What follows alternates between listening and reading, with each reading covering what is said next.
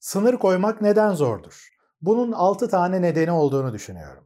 Ben merkezciysen, sen merkezciysen, travma tetiklenmelerin varsa, suçluluk tuzağındaysan, değişim fobin varsa ya da sistem direnciyle karşılaşıyorsan sınır koymak senin için çok zor olacaktır. Şimdi bunların ne olduğunu sakin sakin yavaş yavaş anlatacağım. Eğer bu konular ilgini çekiyorsa, sınır koyma konusunda gerçekten önemli güçlüklerle karşılaştığını görüyorsan ve bunun neden olduğunu merak ediyorsan beni sonuna kadar dinlemeye devam edebilirsin. Sınır koyma konusu geniş ve çok önemli bir konu olduğu için daha önce bunu bir video dizisiyle ele almıştım. İşte sınır koymak nedir, ne değildir, bunun dışında neden önemlidir, bu konuda neler yapılması gerekir gibi pek çok konuyu paylaştım. Eğer onları izlemediysen mutlaka izlemeni öneriyorum. Bugün sınır koymanın zorluklarına özellikle odaklanmak istiyorum. Çünkü bu zorlukların bilincinde olmazsan, bu konuda uyanık kalmazsan ben neden sınır koyamıyorum sorusunu tatminkar şekilde cevaplayamıyorsan bu sınır koyma mevzu senin için çok zor olacaktır. Özellikle de seni zorlayan karakterlerle karşı karşıyaysan ekstra zorlanacaksın. Bu konuda anlatacak çok şey olduğu için seni bir videoda bu bilgileri boca ederek yormak istemediğim için bu sınır koymak neden zordur konusunu iki parçalı bir videoya dönüştürdüm. Bugün sınır koymanın zorluklarından ben merkezcilik, sen merkezcilik ve suçluluk tuzağından bahsedeceğim.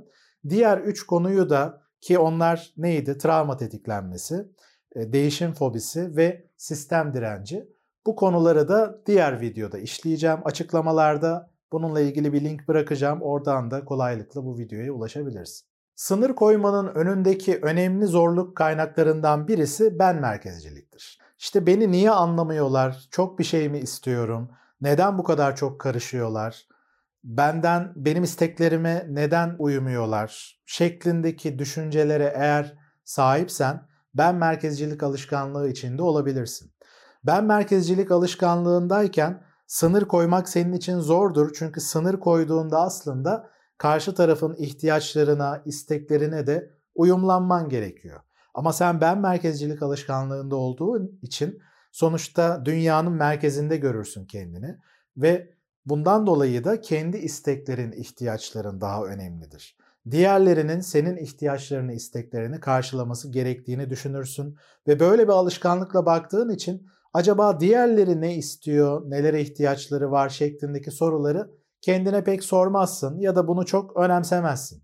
Çünkü kendi isteklerin, ihtiyaçların daha ön plandadır. Bunu özellikle ergenlik döneminde ya da uzamış ergenlik yaşayan yetişkinlerde görebiliyoruz.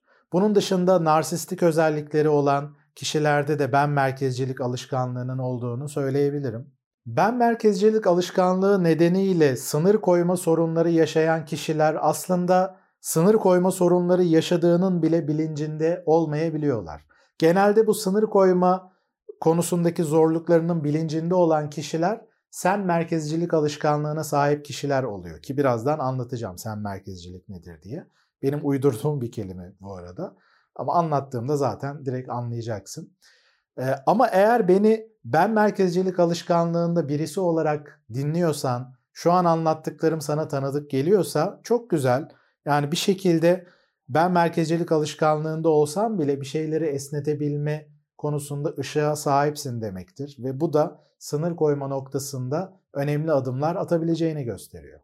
Sen merkezcilik sınır koyma zorluğunun ikinci kaynağı. Bu sen merkezcilik bu arada hani benim uydurduğum bir kelime dediğim gibi. Burada kastetmek istediğim şey ben yokum sen varsın merkezde demek. Bu aşırı fedakarlık, işte karşı tarafı çok önemsemek, hayır dememek, kırmamaya çalışmak, hani benim için sıkıntı yok, cular aslında bu sen merkezciliğe giriyor. Böyle bir alışkanlıkları olduğunu söyleyebilirim. Yani ben merkezciliğin tam tersi bir durum. Ben yokum, sen varsın. Benim ihtiyaçlarım o kadar önemli değil, senin ihtiyaçların daha önemli. Daha önce bu sınır koymada kendine sorman gereken önemli 5 tane soru olduğunu söylemiştim. İşte ben kimim, neye ihtiyacım var, sen kimsin, neye ihtiyacın var ve e, bu konuda ne yapabilir, ortak nokta bulunabilir mi gibi soruları sormanın sınır koymada önemli olduğundan bahsetmiştim. Şimdi ben merkezci kişiler e, sen kimsin, neye ihtiyacın var sorularına yönelik merakları körelmiştir. Sen merkezci kişilerin de ben kimim, neye ihtiyacım var sorularına yönelik merakları körelmeye başlamıştır. Çünkü sen merkezcilik alışkanlığındaki kişiler benim gerçekten ne gibi duygularım var, ne gibi hislerim var, ihtiyaçlarım neler, ne düşünüyorum, ne hissediyorum bu soruları pek kendine sormazlar. Çok sıkıştıklarında, bunaldıklarında belki bu konular gündeme geliyor gibi olur ama odak noktaları yine karşı taraftadır. Dolayısıyla belli ihtiyaçları, duyguları bastırdıkça kendi benliklerinden uzaklaşmaya başlar sen merkezcilik alışkanlığındaki kişiler ve bu uzaklaşma ile birlikte de aslında kendileri olamazlar. E kendileri olamayınca sınır koymada da tabii ki zorlanacaklardır. Çünkü kendini tanıyamaz hale gelirler.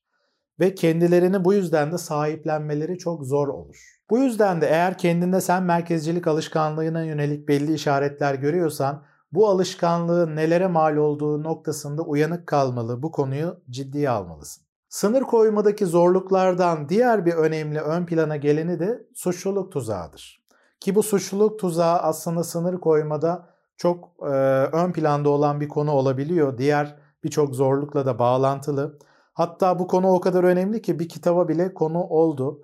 İşte hayır dediğimde kendimi suçlu hissediyorum adlı bir kitap var. Bu arada bu sınır koyma konusunda güzel bir kitaptır. Eğer okumadıysan okumanı öneririm. Eğer sen merkezcilik alışkanlığı iliklerine kadar işlediyse, geçmişte senden sen merkezcilikle hareket etmen çok aktif beklendiyse, hatta böyle hareket etmediğinde suçlandıysan, yargılandıysan, cezalandırıldıysan, sen merkezcilikle hareket ettiğinde, işte fedakarlık gösterdiğinde, e, uyumlu olduğunda, e, o noktada belki takdir edildiysen, onaylandıysan, daha değerli, sevilebilir birisi olduğunu hissettiysen, o noktada aslında bu sen merkezcilik alışkanlığı çok doğal gelir ve bu yüzden de eğer birine hayır dersen, kendi isteklerini ortaya koyarsan bunun kötü bir şey olduğunu düşünürsün ve bu da sana suçluluk hissettirir. Yani dolayısıyla sanki kendin olmak, kendini ortaya koymak, sınır koymak eşittir suçlu hissetmek. Yani sen o zaman bencil, kötü birisin gibi zannedersin kendini. Öyle algılanacağını düşünürsün. Belki de ben işte sen merkezci olursam, çok fedakar olursam, kendi ihtiyaçlarımı geri planda tutarsam o zaman daha iyi bir insan olacağım. Hani daha ulvi, erdemli davranış kendinden önce başkalarını düşünmektir şeklinde büyütülmüş olabilirsin. Bu çok takdir edilmiş, onaylanmış olabilir böyle davranman. E hal böyle olunca da tabii ki bunun dışında hareket etmek sana çok garip gelecektir ve huzursuz edecektir seni. Diğerleri de senin böyle davranmana alıştıysa o noktada tabii ki dirençle de karşılaşacaksın. Bunu bir sonraki videoda sistem direncinde daha detaylı anlatacağım. Şimdi suçluluk tuzağına girdiğinde o noktada işte karşında asık suratlar görürsen hayır dediğinde, sınır koyduğunda ya da işte bunu söylersem kesin bozulacaklar, aramızda sıkıntı girecek tarzı belli beklentilerin varsa, işte asık surat alerjisi diyebileceğimiz durum varsa o noktada kendini geriye çekersin. Hani suçlu hissetmektense ben kendimden uzaklaşırım. Kendi isteklerimi kendi kendime halletmeye çalışırım. Karşı taraftan beklemem. Hani sıkıntı verse bile suçlu hissetmekten daha iyidir, suçlanmaktan daha iyidir şeklinde bir karar vermişsindir aslında bu tuzağın içindeysen. O yüzden de benim sana önerim eğer bu söylediklerim tanıdık geliyorsa suçluluk tuzağına ben giriyor muyum acaba? Sınır koymak istediğimde, buna niyetlendiğimde acaba bu suçluluk tuzağı beni ele geçiriyor olabilir mi diye kendine sorman, bu konuda uyanık kalman gerekiyor. Eğer bunun bilincinde olursan karşı tarafa karşı bu tür alerjik reaksiyonlar göstermeyebilirsin. Bağışıklık sistemini güçlü tutabilirsin. Özellikle de karşı taraf suçluluk tuzağına seni ittiriyorsa, manipüle etmek için, bilerek ya da bilmeyerek, seni suçlu hissettirerek, kötü hissettirerek e, yönlendirmeye çalışıyorsa, senin sınırlarına girmeye çalışıyorsa bu noktada daha güçlü durabilirsin eğer suçluluk tuzağının bilincinde olursa. Şimdi buraya kadar anlattığım noktalar farkındaysan birbiriyle ilişkili ki e, bu sınır koymanın diğer üç zorluğunu anlattığımda işte değişim fobisi, travma tetiklenmesi, sistem direnci bu iç içe geçmelerin ne kadar önemli olduğunu göreceksin. Yani bu zorlukların her biri birbiriyle ilişkili ve belki de senin durumunda birçok zorluğu bir arada yaşıyorsun. Şimdi bunlar da bir araya geldiği zaman tabii ki o zorluk derecesi daha da artıyor. O yüzden de mutlaka hem bu videoyu hem de diğer videoyu birleştirerek izlemeni öneririm. Böylece daha büyük resmi görebileceksin, daha detaylı ve derinlikli bir analiz yapabileceksin. Neden sınır koyma konusunda zorlandığını anlamak için. Dediğim gibi sınır koyma konusu çok geniş bir konu olduğu için diğer birçok konuyla da bağlantılı işte kaygı sorunları, özgüven, kendini değerli hissetmek, işte travmalar gibi birçok konu, depresyon, ilişkiler, bunun gibi birçok konu aslında sınır koyma konusuyla ilişkili. O yüzden benim sana önerim bu konulardaki diğer paylaştığım birçok videoyu da izlemen. Sonuçta bunların hepsi birbiriyle bağlantılı olduğu için birçok fikir verebilir sana. Özellikle de videolarda anlattıklarımı uygulamaya geçirebilmede birçok fikir edinebilirsin. Arama çubuğunda ilgili konuları yazıp yanına da benim adımı soyadımı yazarsan bu konularda paylaştığım içeriklere hızlı bir şekilde ulaşma şansın olacaktır. Kanalımda video oynatma listeleri üzerinden de daha önceki paylaştığım videoları konu başlıklarına göre izleyebilirsin.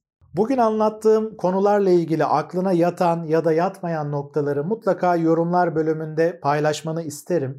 Böylece ben sadece kendi kendime konuşmuyorum, sana da ulaşabiliyorum ve sende belli etkilerde bulunabiliyorum noktasını görebilme şansım olur. Dediğim gibi aklına yatmayan noktaları da mutlaka paylaşabilirsin. Beğendiğin, beğenmediğin videoları işaretle, beğenmediğin videoları da işaretlemeni öneriyorum. Hani genelde insanlar sadece e, bu videoyu beğenin şeklinde yönlendirebiliyorlar ama beğenmiyor da olabilirsin. O noktada da mutlaka işaretle ama geri bildirim de vermeni isterim. Yani neden beğenmediğini, eleştirdiğin nokta nedir? Özellikle de konu içeriğiyle alakalı detaylı bir şekilde izledikten sonra aklına yatmayan noktalar. Hani saçım, başım, konuşma tarzım, işte e, yavaş konuşuyorum, sıkıcıyım tarzı yorumları artık daha fazla verme istersen. Ancak bu kadar yapabiliyorum.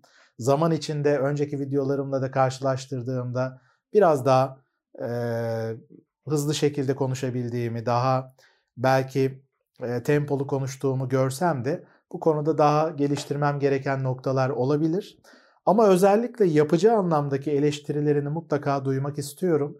Bu aynı zamanda bir nevi sınır koyma pratiği de olacaktır. Hem sen kendin bir sınır koymuş olacaksın. Senin için önemli olan noktalar neler? Hem de ben bu sınır da araya koyduğumuz sınırda alabileceklerimi alıp ona göre hani kendimi analiz edebilirim. Buna göre davranabilirim. Kendine iyi bak ama gerçekten iyi bak. Sınır koymak zorlu bir iş. O yüzden de kendine iyi bakıp özen gösterdiğinde bu zorluklarla başa çıkabilmen daha da kolaylaşacaktır. Tekrar görüşmek üzere.